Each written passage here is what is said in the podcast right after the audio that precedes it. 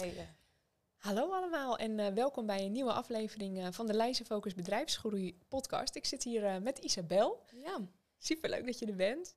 Isabel heeft mij een aantal maanden geleden alweer een boek gestuurd. Ze, ze heeft een boek geschreven.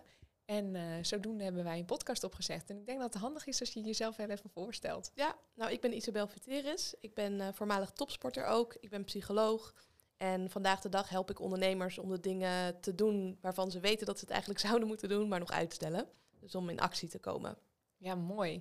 Ja, je boek is ook echt fantastisch. Heel praktisch ook. Dat vind ik echt leuk aan jou. Dat je, dat je het concept uitlegt, maar ook gewoon praktische opdrachten ja, eraan toevoegt. Je kan ook echt in jouw boek schrijven. Ja, zo heb ik hem ook vormgegeven. En ik merk dat in de wereld van persoonlijke ontwikkeling is er heel veel focus op informatie, maar te weinig op implementatie. Ja. En dat leidt dus tot een heleboel frustratie bij mensen. Want dan weet je het wel, maar dan doe je het nog steeds niet. Ja, dus dat vergroot eigenlijk alleen maar het probleem. En toen dacht ik, ja, er zijn al zoveel boeken over persoonlijke ontwikkeling, maar er moet er gewoon nog eentje komen. En dat werd toen mijn boek. Ja, fantastisch. Stoppen met uitstellen. Hoe je met een, een topsportmentaliteit in actie komt. Ja, ja super gaaf. Ja. Leuk hoor.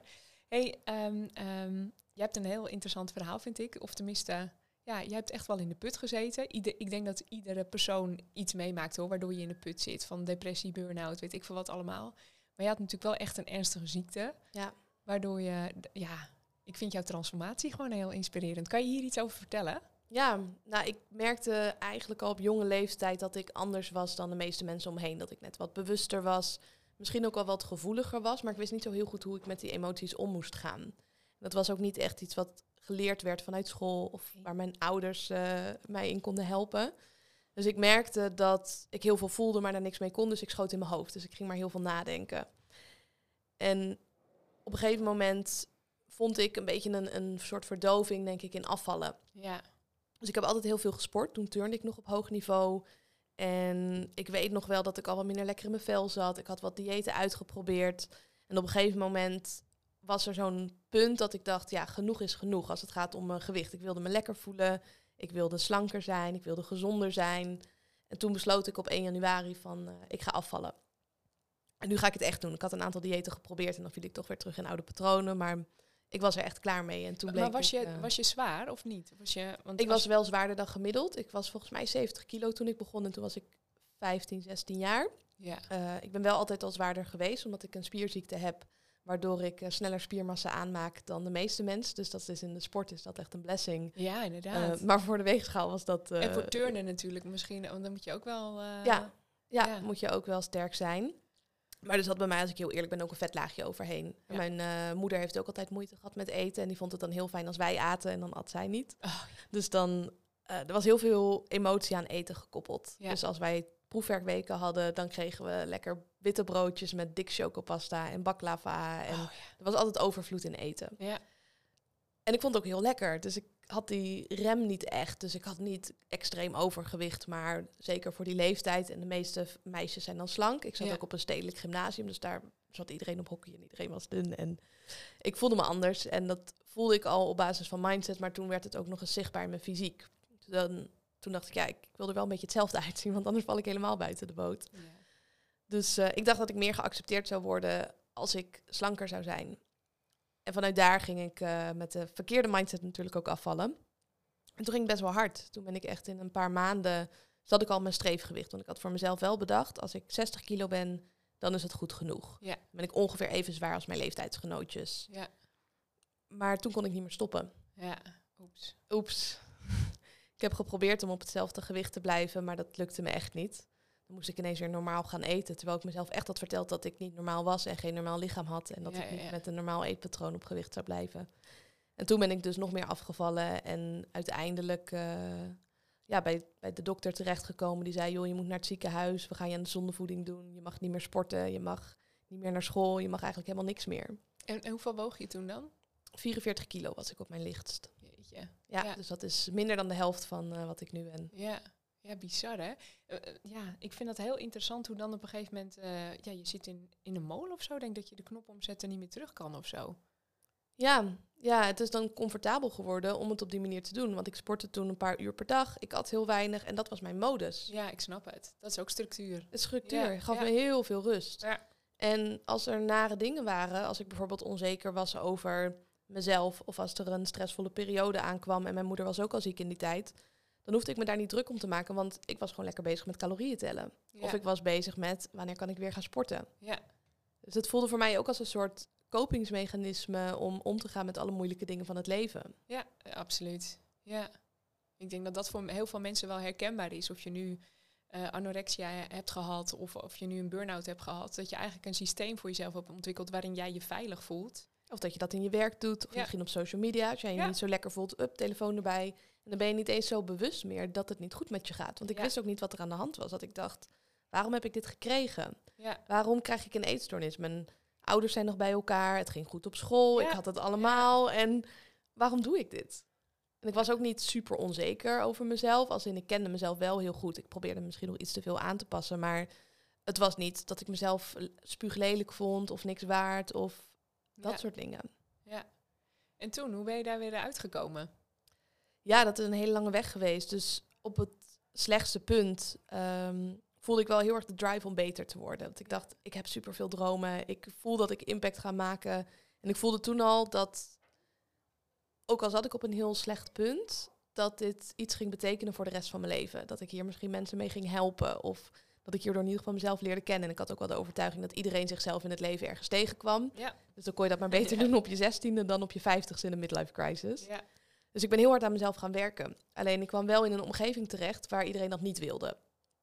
Dus je komt in een kliniek met allemaal meiden die elkaar leren hoe je zo snel mogelijk kan afvallen. Terwijl ik daar naartoe ging met de intentie om zo snel mogelijk beter te worden. Dus dat Ja. was een beetje een mismatch. ja, Dus ik had wel bedacht voor mezelf dat ik zo snel mogelijk die kliniek uit wilde komen. En dat ik dan maar in de echte wereld tussen aanhalingstekens ging uitzoeken hoe ik er zou komen. Ik dacht, je bent het gemiddelde van, van de vijf mensen waar je het meeste mee omgaat. Nou, dan ga ik maar niet met deze mensen om ja, dan ga ik wel weer naar school en dan ga ik aan die mensen vragen hoe zij dat doen. Dus binnen een jaar was ik uit de kliniek, ging ik weer naar school en toen kwam ik erachter dat de mindset van de meeste mensen eigenlijk ook heel slecht is. ja, ja. Ik wilde van hen leren van hoe accepteer je nou je lichaam. En zij waren ook allemaal aan het klagen over elk vetrolletje en over voeding. En toen kwam ik er wel achter dat ook al was ik bestempeld met een eetstoornis, maar dat onze relatie met eten en ons lichaam over het algemeen heel slecht is. Ja, en vooral op die leeftijd. Ik kan me dat ook echt herinneren hoor. Ik denk dat dat een beetje op je, op je dertiende, veertiende, dan eh, begonnen wat uitstolpingen te groeien. Ik zat ook op turnen.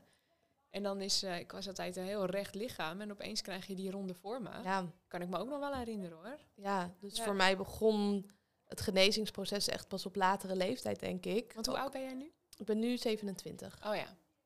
Het is ook nog maar tien jaar terug hè? Ja, het is pas heel kort.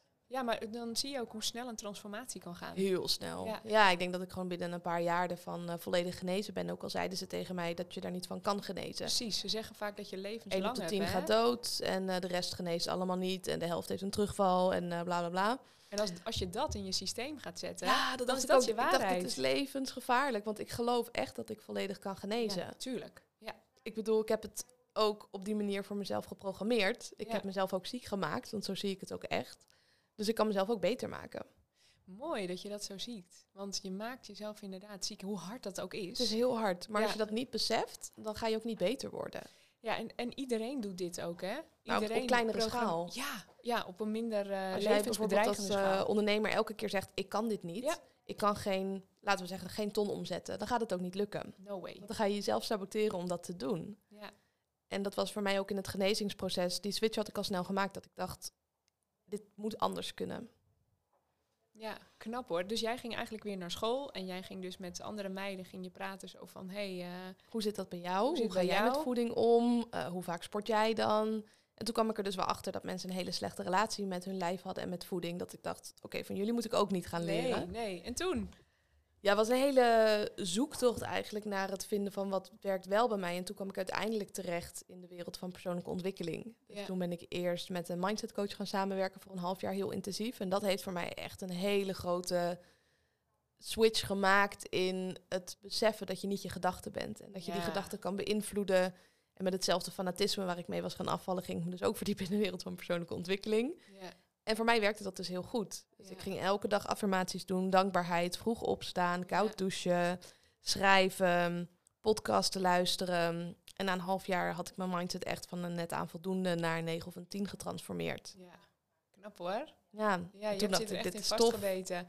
Nou, en je hebt die discipline natuurlijk als, eh, als ex-topsporter. Ja, en toen was ik nog geen topsporter. Oh, dat is daarna pas gekomen. Ja, toen dacht ik daarna van, ik ben mezelf nog klein aan het houden. Wat is er nog meer mogelijk als ik niet meer mijn eigen grootste blokkade ben? En toen na dat traject ben ik begonnen met de topsport. ja En toen eh, heb ik dat in een jaar ook voor elkaar gebokst om op het EK en WK te komen. Terwijl ik daarvoor eh, nog nooit een wedstrijd had gedaan. Nou, en, en je deed, je doet natuurlijk gewichten. En daarvoor moet je juist groot zijn. Je hebt onwijs spieren. Ja. Dat is wel het tegenovergestelde van die 45 kilo. Weet je wel, waar, waarin je juist zo dun mogelijk moet Ja. zijn. Hoe- Wat heeft dat met je gedaan? Ja, dat was in het begin wel pittig. Want Ja. dat was ook de reden dat ik er niet voor ging. Want ik wist dat ik er heel veel talent voor had. Ja, Maar ik durfde er niet voor te trainen. Want toen dacht ik, ja, een angst van mensen met een eetstoornis is dat je helemaal dichtgroeit. ja, Toen dacht ik, ja, als ik dat ga doen, ja. dan ga ik helemaal dichtgroeien. Of dan moet ik ook mijn eetstoornis helemaal loslaten.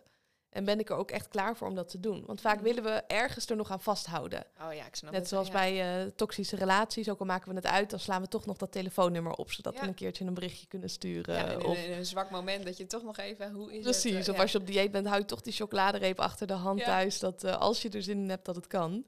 Dus het was voor mij wel een switch van om die deur dicht te gooien. Van ik ga daar gewoon nooit meer in terugvallen.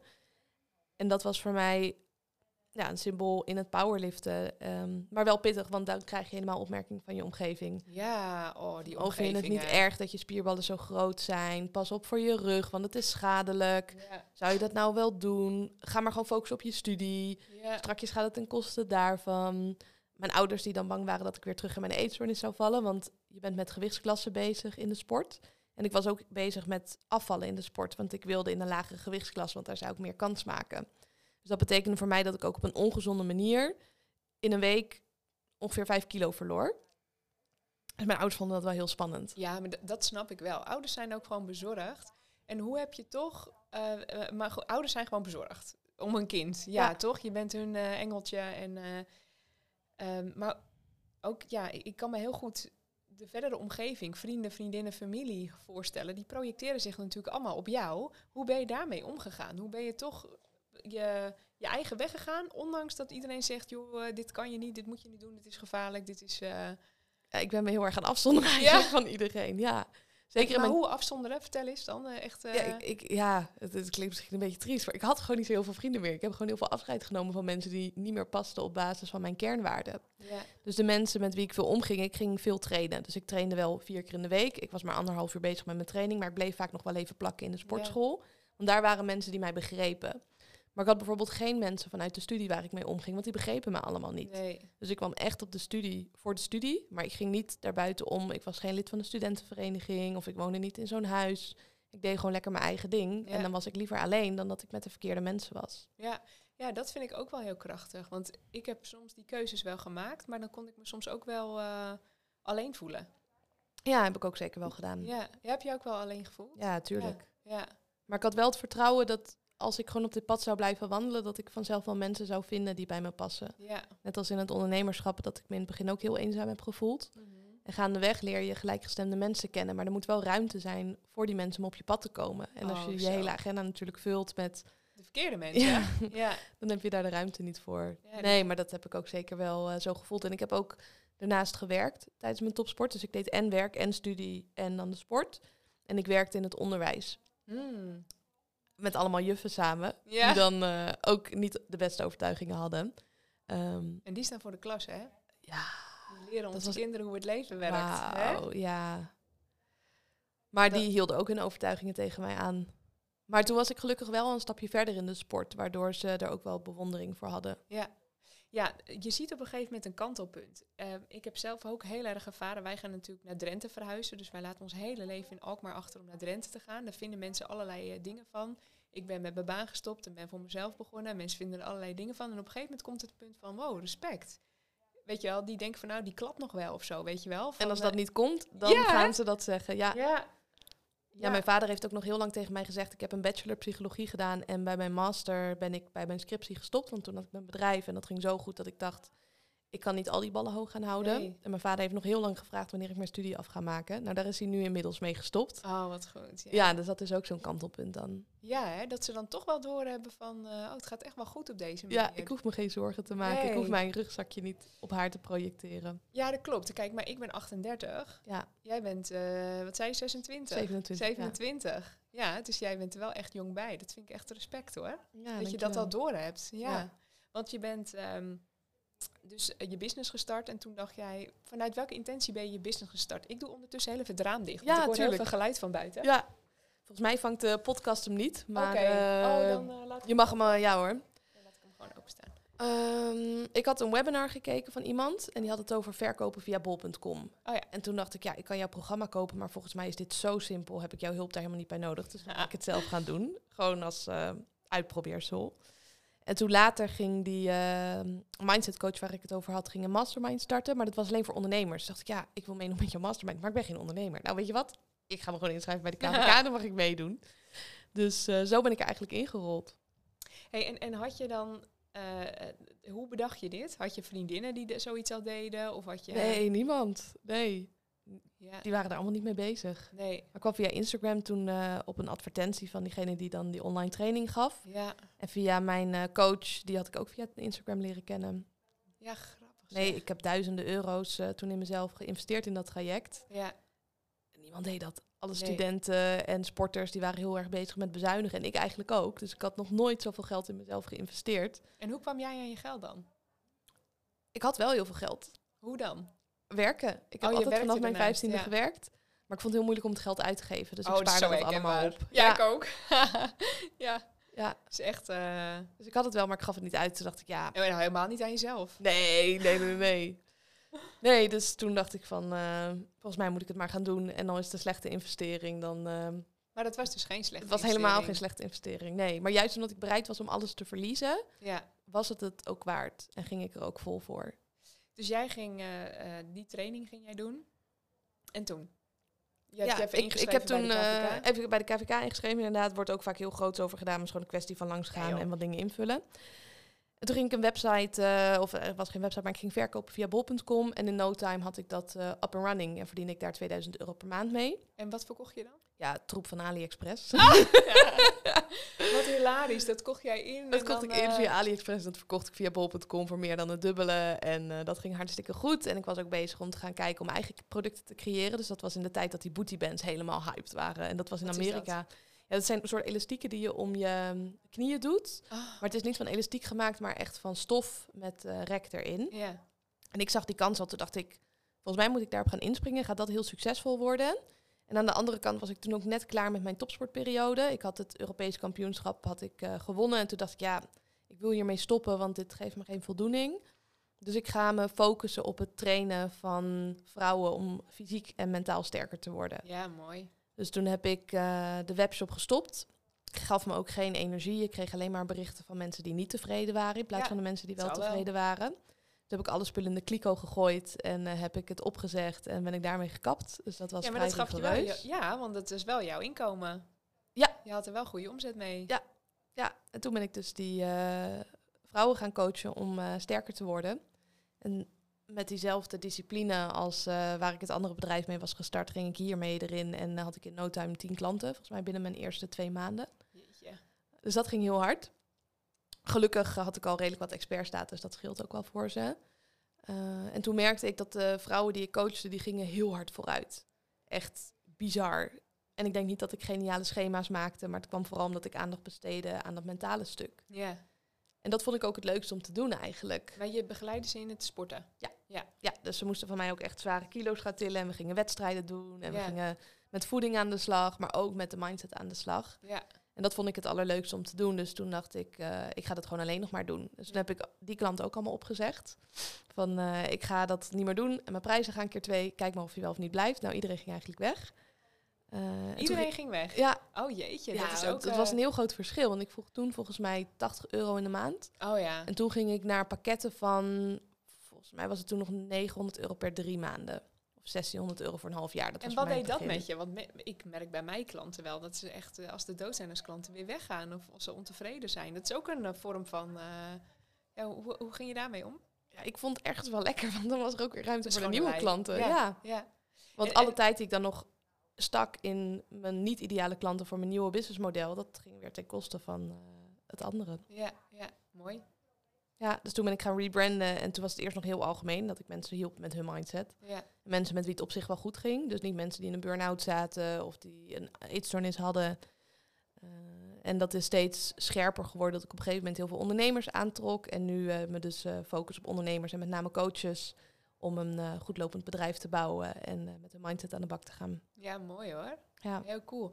En ook echt je voldoening gevolgd. Ha- haal ik hier voldoening uit? En dan ook eh, de bold move durven maken om gewoon dingen op te, op te geven. ja, daar ben ik vrij rigoureus in. Als ik daar eenmaal achter ben, dan heb ik geen moeite om knopen door te hakken. Maar het duurt vaak wel wat langer om die knoop door te hakken. En dan voel je het en denk je, klopt dit gevoel?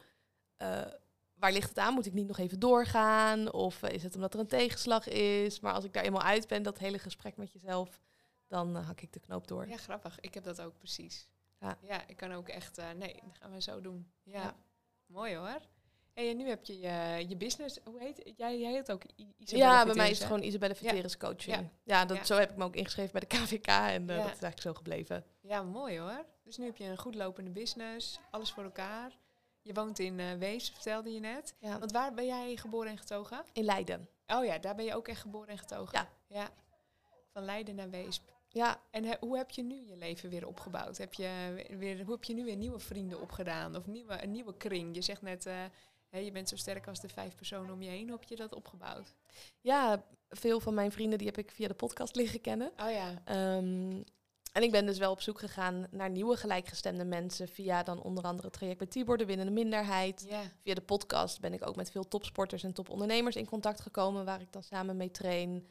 En via events, eh, live events waar ik dan naartoe ga, eh, kom je ook weer nieuwe mensen tegen. Dus zo heb ik een hele nieuwe cirkel om me heen verzameld van gelijkgestemde mensen. ja. Ja, dat is wel hoe het werkt, hè? Ja, en de meeste mensen met wie ik omga vandaag de dag, die ken ik pas twee jaar. Ja, ik heb dat ook. Ja, Ja. en we denken vaak, oh, het is zonde om vriendschappen weg te gooien, want je bent al zo lang bevriend of je woont bij elkaar in de buurt, maar dat maakt me nu ook echt niet meer uit. Nee, het maakt echt niet uit. Ik heb nu juist, nu ik al zo lang mijn eigen pad volg, dat er vrienden van vroeger weer een soort van terugkomen van, hé, hey, weet je, ik ben ook gaan ondernemen. ik Oh, volg wat je nu. Ja, dat vond ik ook zo bijzonder. Ik heb dus heel veel mensen van de middelbare school nog die mij wel volgen via Instagram, maar die Ja. nemen nog geen contact op. Maar misschien ooit in de toekomst dat die dan... eh, Ja, ik vind dat wel heel bijzonder. Dan, Ja. dan heb ik, ja, dan eerst vinden ze van alles van je. ja. En eh, nu denk ik, oh ja, grappig is dat, hè? ja, en op de middelbare school is iedereen nog heel erg bezig met erbij horen en hetzelfde zijn. En juist de mensen die afwijken en dat blijven ownen, die krijgen op latere leeftijd daar meer respect voor. Want dan gaat het meer over wie je bent en niet Ja. over hoe je daaruit ziet en wie het populairst is. Echt, ja. Die hele puberteit, ik vind dat echt een... eh, het is best wel een ding. En, en dat is ook... Je leert dit niet op school, jezelf te leren kennen, hè? Mhm. Je moet altijd in de norm vallen. Ja, en om dat ook te ownen. En daar werd ook niet over gepraat. Nee, Bij ons waren niet. er wel een paar mensen die buitengesloten werden of die gepest werden. Dat werd in de doofpot gestopt. Ja. Ja, zielig ook, hè? Ja, Ja, heel sneu. Bij mij is echt, eh, eh, bij mijn eerste module, zeg maar, in mijn programma gaat ook echt over. ehm, wat werd vaak tegen jou gezegd vroeger? Er zit zo'n vraag in. Ik heb dan zo'n vragenlijst, een paar oefeningen om je eigen missie te ontdekken. En eh, hetgeen waar je vroeger altijd om, om bestempeld werd, van doe nou niet zo druk, of wat doe je nou verlegen, of wat doe je nou dit, of wat doe je nou dat. Ja, dat is gewoon jouw goud. ja. bij mij is dat mijn dat energie. Ja? ja, ja.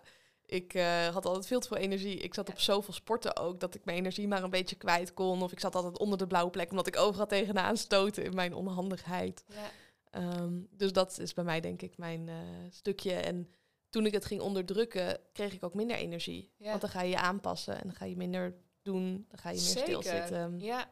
Maar, want hoe is dat nu weer teruggekomen in je business, die energie? Ehm, ik denk hoe ik spreek, dat ik gewoon vol energie spreek en de mensen daar ook in mee kan nemen. Dat ik het ook leer aan de mensen met wie ik werk hoe je die energie krijgt. Want dat zijn gewoon een aantal hacks die je kan doen. Ja.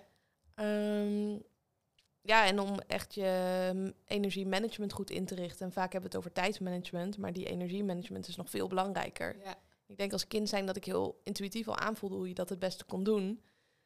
En dat ik dat nu nog eh, ja, wat meer bewust ben gaan doen. Ja, en hoe doe je dat bewust, je energiemanagement? Dat je kijkt naar wat geeft me energie en hoe ga ik dat dan, hoe is mijn energie ook gedurende de dag en hoe eh, richt ik dat in. Dus ik weet bijvoorbeeld van mezelf dat als ik met mensen spreek, dat levert me energie op en het kost me ook energie. Dus ik doe niet meer dan vier gesprekken op een dag, want dan loop ik qua energie helemaal leeg. Dus daar richt ik ook mijn agenda op in. Ja. Of dat het mij energie kost als ik na zes uur s avonds aan mijn bedrijf werk. Dus ik werk niet meer na zes uur s avonds. Of ik werk niet voor negen uur s ochtends doorgaans.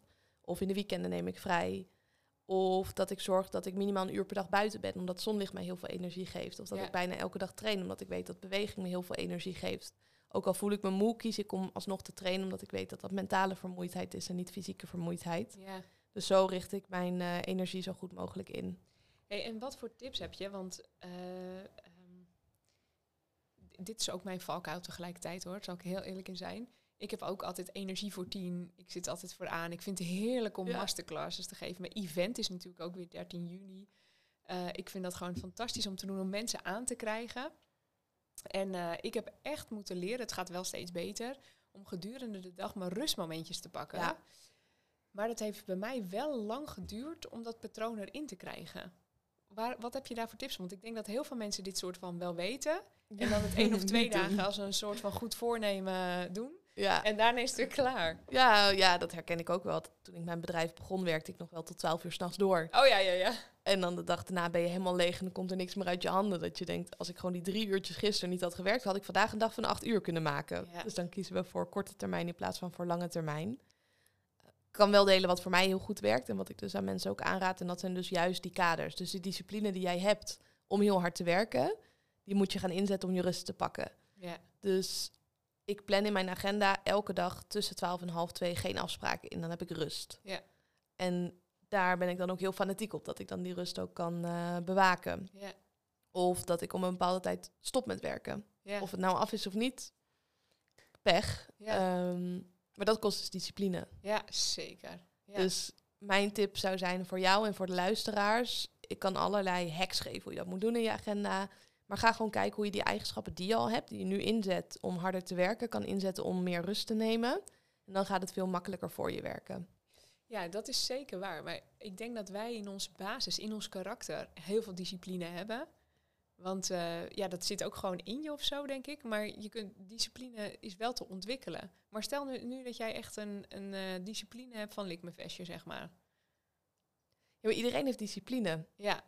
ja, de ene meer of, minder, meer of mindere mate. Ja, maar als jij bijvoorbeeld elke dag een uur op je telefoon kan zitten, dan Ja. heb je ook discipline. Ja, Misschien zeker. discipline de, de, de andere kant op, maar dan heb je wel de discipline om te zeggen, alle andere taken doe ik niet en ik focus me even op deze taak. Ja. Snap je wat ik bedoel? ja, zeker. Ja. Ja. en het, he- het is ook echt, met, heeft wat mij betreft ook echt te maken met bewustwording. Dat je gewoon, eh, ehm, ja, hoe vaak zit je op je telefoon en wat zeg je? Hè? Een beetje bewust over wa- wat je zelf communiceert. Ja, Ja, dus als je dat al hebt, dan kan je dat ook inzetten juist om het niet te doen. En Ja, in het begin is dat oncomfortabel. ja, Dus mijn tip zou ook zijn om het in kleine stapjes te doen. Dus Ja. als je nu helemaal geen rust neemt, begin eens met 10 minuutjes per dag. ja, En nee, dat is niet optimaal. Optimaal is om dat veel meer te doen, maar dat maakt niet uit. Je bent het dan al aan het doen. zeker. En, en bij mij is het ook begonnen met eh, een uur pauze inplannen. Mijn eh, VA zei dat tegen mij van, hey, weet je wat ik doe? Ik ga even een uur echt in je agenda blokken voor rust. Toen dacht ik, oh, top mens, dit is echt een goed idee. Ehm, en dan heb ik echt een uur in mijn agenda waarin ik gewoon echt helemaal niks heb. En in het begin eh, ging ik gewoon doorwerken, want ik dacht, oh, mooi, een uur, dan kan ik dit doen, dat doen, dat doen, dat doen. Dus, eh, weet je waar ging ik me helemaal op. Ja. En toen dacht ik, ik kan natuurlijk ook gewoon rustig gaan lopen en even gaan eten. Ja. En echt even de tijd zonnetje nemen. zitten. Ja, grappig hè? Ja. Ja, Maar dat herken ik wel. Toen ik begon met anderhalf uur rust inplannen, ging ik ook nog wel eens dan die social media post doen. Ja. Of eh, even dat belletje. Of dan liep het even uit. En dan ga je weer reflecteren. En dan denk je, oh, wat heb ik gedaan? ja, ja, dus ik denk dat die reflectiemomentjes ook heel belangrijk zijn. Dat je aan het einde van de dag even terugkijkt en denkt, oké, wat ging er goed vandaag? Ook heel belangrijk om bij stil te staan. Maar wat ging er ook minder goed vandaag? ja, En welk ene ding ga ik morgen anders doen? ja. Dus niet alles om gaan gooien. Maar als je nu net nog te lang ging doorwerken in je pauze, dat je dan denkt, oké, dan ga ik dat ene ding ga ik morgen anders doen. Ja. ja, ik had op een gegeven moment ook eh, dat ik dan thuis kwam en dat de kinderen dan... eh, ja, ik heb twee, twee zoontjes. Nou, die krijg je in your face als je zelf... eh, geste- als, je- als je zes, zelf Zelf spiegels, hè? Jee, Ja. ja. Ik heb Ja. een hondje gehad. Oh, dat ook? verhaal. Ja, maar gehad, je je hebt hem maar zit. weggedaan? Of, eh? Ik had hem samen met mijn ex. Oh. En, ehm, ja, toen het uitging heb ik wel geprobeerd om het in mijn eentje te doen. Maar dat zeker met een bedrijf is dat niet te doen. En dat is ook niet het beste voor zo'n beestje. ja. Dus heb ik contact met de fokker opgenomen. En via die weg kon hij bij een van zijn broertjes in België wonen. En heb ik hem daar naartoe gebracht. Ja. Ja. Maar die was ook echt een spiegel. Als ik in mijn hoofd zat, Ja. dan werd hij heel vervelend. Ja. Ja, dieren, kinderen. Ja, het zijn echt Top. spiegels. Maar ook de mensen om je heen zijn spiegels. Hè? partner. Ja, Dan worden we vaak boos op onze partner van... Nee, jij doet dit niet voor Ja. ons. Maar het is een spiegel naar onszelf toe. wijzen naar een ander. Dan wijzen drie vingers terug. Hè? Ja, ja, Ja. precies, precies. Ja, en dat kunnen inzien, dat, dat je het bij jezelf houdt, dat je zelf verantwoordelijk bent voor wat je creëert. Ja, ik denk dat dat een van de, van de snelste wegen is naar persoonlijke groei. Dat denk ik Toch? ook. Ja. Jezelf echt aan kunnen kijken. Ja. En ook al is dat maar 1% van het geheel... Ja, Maar daar wel 100% verantwoordelijkheid voor nemen. Dus bij mij ook bij mijn eetstoornis dat...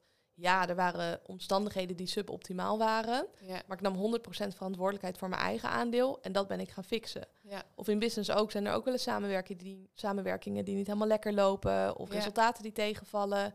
Nou, kijk dan naar het stukje waar je wel aandeel in hebt. En wat Ja. jouw verantwoordelijkheid is. En ga dat fixen. echt. Ja. Maar daarvoor moet je gewoon. eh, ja, wat, wat, heb je, wat vind jij dat je daarvoor nodig hebt om dat eh, aan te kijken? Zelfliefde. Ja, Want als jij geen vertrouwen hebt in jezelf of dat jouw zelfbeeld wankel is, dan durf je daar niet naar te kijken. Want dan koppel je wat je doet aan wie je bent. ja, En als je het niet goed hebt gedaan, dan zeg je ook tegen jezelf: ik ben niet goed genoeg. En omdat dat te pijnlijk is om te voelen, gaan we dat verdoven en dus naar andere mensen wijzen. Dus ik denk dat we dat voor onszelf eerst moeten helen voordat we daarna kunnen kijken naar onze fouten. ja, Ik zie ook dat veel ondernemers perfectionistisch zijn. En in tegenstelling wat vaak gedacht wordt, is dat helemaal geen goede eigenschap. Want dan wil je geen fouten maken en ga je je fouten ook verbloemen. Of je komt helemaal niet in beweging. En juist door dus oncomfortabel te worden, ja, eh, of comfortabel te worden met het oncomfortabele, dan kan je de- die dingen wel aankijken. ja. Mooie Dus om dat levenslessen. eh, discomfort op te zoeken middels ijsbanen, middels stilte, middels reflectie, en middels spreken met andere mensen. Dat kan allemaal heel erg helend zijn. Ja, echt waar. Want ja, zeker weten. En weet ook wel wie je gesprekspartner is. Ja, Want, want ik was eh, eh, bij een eh, workshop van Juno Burger eh, eh, vorig weekend. En vond ik zo mooi hoe hij dat uitlegde. Dat we allemaal hebben een rugzakje van eh, dingen die we hebben meegemaakt. En we voelen ons heel fijn bij mensen met eenzelfde soort rugzakje. Want dan krijg je altijd gelijk over je probleem. Ja. Ja. En juist als jij eh, met iemand gaat praten die dat probleem niet heeft... Ja, dan is er, zijn er veel meer dingen mogelijk. Maar dan, dan gaan we zeggen, nou, die begrijpt mij niet. Of die, ja, weet je, jij altijd met je andere ideeën. Maar daar ligt juist je, je leerpunt. Ja, zeker. En ik Ja. probeer dan zelf zo nieuwsgierig mogelijk te zijn als een kind. Dat je Ja. gewoon in het hoofd van diegene wil kruipen van hoe Ja. doe jij dat nou? In Ja. plaats van wat we wel eens doen bij de insteek van een gesprek is, snap je me dan niet? En dan willen we ons gelijk halen bij de ander. Dat, je het bijna als een eh, onderzoek ziet. En zo ben ik ook mijn eigen podcast gestart. Dat ik dacht, ik ga met die succesvolle mensen praten. En ik ga gewoon Zelf vragen. zo allemaal vragen stellen van hoe doe je dat nou? En echt met die mensen in gesprek gaan. En ook al heb je geen podcast en je luistert dit, maar ga met mensen spreken die al een stapje verder zijn en zonder oordeel. En ga gewoon vragen van, Hoe heb jij het gedaan? hoe heb je het gedaan? En wat Ja. denk jij anders dan ik? En wat doe jij anders dan ik? Ja, ik, zo ben ik ook echt doorgegroeid op jonge leeftijd naar die managementfuncties. Doordat ik gewoon, eh, eh, ik werkte dan bij een internationaal bedrijf. En dan ging ik een andere manager opbellen die ook heel jong was. Dat ik dacht, ja hoor, jij bent zelf nog jonger dan ik. En belde ik haar op, Finse meid. Ik zeg, hoe ben jij daar gekomen? Wat heb je gedaan? Wat, met wie heb je gesproken? Wat heb je geleerd? Hoe doe jij je werk? Ik, ik wilde echt alles van haar Ja. weten. Ja, brutale mensen hebben meer dan de halve wereld. Ja, maar altijd. Ja, ja En en, en dat is het punt. Want vroeger werd ik dan wel eens bestempeld als brutaal, omdat Top. ik nieuwsgierig was. ja. Maar hoezo is dat brutaal? Het is ook gewoon toch, ja, ik heb gewoon interesse. ja, en ik heb gelukkig zelf daar niet zo heel veel belemmerende overtuigingen over. Dus ik ging ook altijd vooraan zitten in de klas. Ja. Of bij eh, Sinterklaas zat ik als eerste op schoot. Ja. Dat ik ontdekte dat dat juist heel goed voor je werkte. Want daardoor komen er ook meer kansen op je pad. Ja, en bij mij werd dus altijd gezegd dat ik brutaal was. Ja. Dus ik heb heel lang, heb ik mezelf helemaal onderdrukt. En niet te, niet te veel op de voorgrond, niet te veel dit. En nu, de- nu denk ik, nee, dat is niet brutaal. Ik ben gewoon geïnteresseerd. Ja, mensen vinden dat top. Ja. Mensen vertellen heel graag over zichzelf. Ja joh, ja. ja. Ja. leuk is dat hè? Ik heb ook zelden gehad dat iemand niet in mijn podcast wilde. Nee. En als diegene dat niet wilde, dan zorgde ik wel dat ze het uiteindelijk wel wilde. maar, eh, En hoe deed je dat dan als, als, als je iemand eh, niet wilde? oh, dan kwam ik gewoon binnen een half jaar weer terug. Dan zeg Oh, ja. ik, oké, is goed, ik vraag het je over een half jaar nog een keer. Of Ja. ik vroeg ze, wat eh, moet ik doen om er wel een jaar, jaar van te maken? Ja, precies, gewoon dat. Ja, dus net een stapje verder willen zetten. Ja. Eh, dus Arie Boomsma heeft eh, drie keer nee gezegd tegen mijn podcast, of twee keer. Oh ja. Dat snap ik ook heel goed, want in het begin had ik nog niet zoveel volgers, had ik nog niet zoveel gasten gehad. En op een gegeven moment had ik wat grotere namen erin. Ja. Ik, ja, Arie, ehm, Sorry, ik heb nog een plekje voor je. ja. Eh, ik heb deze gehad en deze gehad en deze gehad. Eh, wat denk je ervan om dat lekker samen te gaan doen? En toen kreeg ik een ja. En Ja. waarschijnlijk niet van hem zelf, maar van zijn management. Ik denk niet Dat dat, is hij daar zelf overheen ging. Maar die kijken natuurlijk ook wat is interessant voor hem en wat is niet interessant. Ja, want jij hebt inderdaad allemaal hele grote namen in je podcast. Ik, volgens mij ook uh, Faya Lauren zag ik Ja, laatst voorbij Belen komen. heb zo, ik er ook Belen, gehad, ja. ja. Hoe heb je dat voor elkaar gekregen? Ehm, Giel die benaderde mij via Oh ja. LinkedIn. Die eh, wilde mij eigenlijk voor zijn podcast vragen. Dus ik zei nou, ik eh, ga jou eerst wel even interviewen. En uiteindelijk is het er nooit van gekomen dat ik in zijn podcast kwam. En toen had ik aan Giel gevraagd van... ken jij nog mensen die voor mijn podcast relevant zijn? En toen had hij tegen mij gezegd... iedereen die in mijn podcast is geweest mag je benaderen... en dan mag je mijn naam noemen. Dus toen heb ik gewoon iedereen eh, Ja. die in zijn podcast Dat was zijn die ik waardevol vond. Nee, toen nog niet. Toen Oh. was hij net begonnen. Oh ja. Ali B heeft toen niet, überhaupt niet gereageerd, denk ik. En dat snap ik ook heel goed. Maar Faya was ook een van de gasten. Ja. En die had ja gezegd. Yes, wat leuk. Ja, leuk. heel leuk. Ja, ook een hele bijzondere vrouw was dat om te mogen interviewen. Ja? Ja. Want? Heel erg zichzelf. Dat eh, heel kwetsbaar, heel open. We hebben toen de podcast bij haar opgenomen beneden in de studio. Hm. Ehm, ja, en toen eh, woonde haar nichtje net bij haar, want die had het heel moeilijk. Dus die had ze bij zich opgenomen. Ze heeft natuurlijk een dochter. Ja. Ze is echt een self-made woman. En daar heb ik Ja. heel veel bewondering voor hoe ze dat allemaal voor elkaar heeft gekregen. ja, daar heb ik ook altijd bewondering voor. Dat je, ondanks wat je meemaakt, je toch eh, telkens weer je pad kiest. Heel Ja, en ze heeft best wel veel shitzooi over zich heen gehad. Zeker. En Ja. ik vind het heel mooi om te zien hoe zij dat wel kan voelen. En weer los kan laten en weer door kan gaan en op haar eigen pad blijft wandelen. En ook kan zien dat dat vanuit trauma is van anderen. Want ze heeft bij haar boek bijvoorbeeld heel veel commentaar gehad. Oh ja. En dat ze dat ehm, ja, dus niet op zichzelf betrekt. Ja, mooi hoor. Dat heel veel mensen het heel spannend vinden om zo groot te worden. Juist omdat je dan dat allemaal krijgt. Dat is het hele punt. We zijn helemaal Ja. niet bang om te falen. We zijn bang voor succes. Nou ja, de, ja, zijn we bang voor succes? Ja, want daar gaan mensen wat van vinden. Als jij Nou, je kop boven het maaiveld Ja. uitsteekt. En je hoeft hem niet te falen in de zin van dat je het fout doet. nee. Maar dat je negatieve feedback Precies van anderen dat. krijgt. Ja, ja, ja, daardoor ga je eigenlijk maar niet. Ja, Ja, mooi.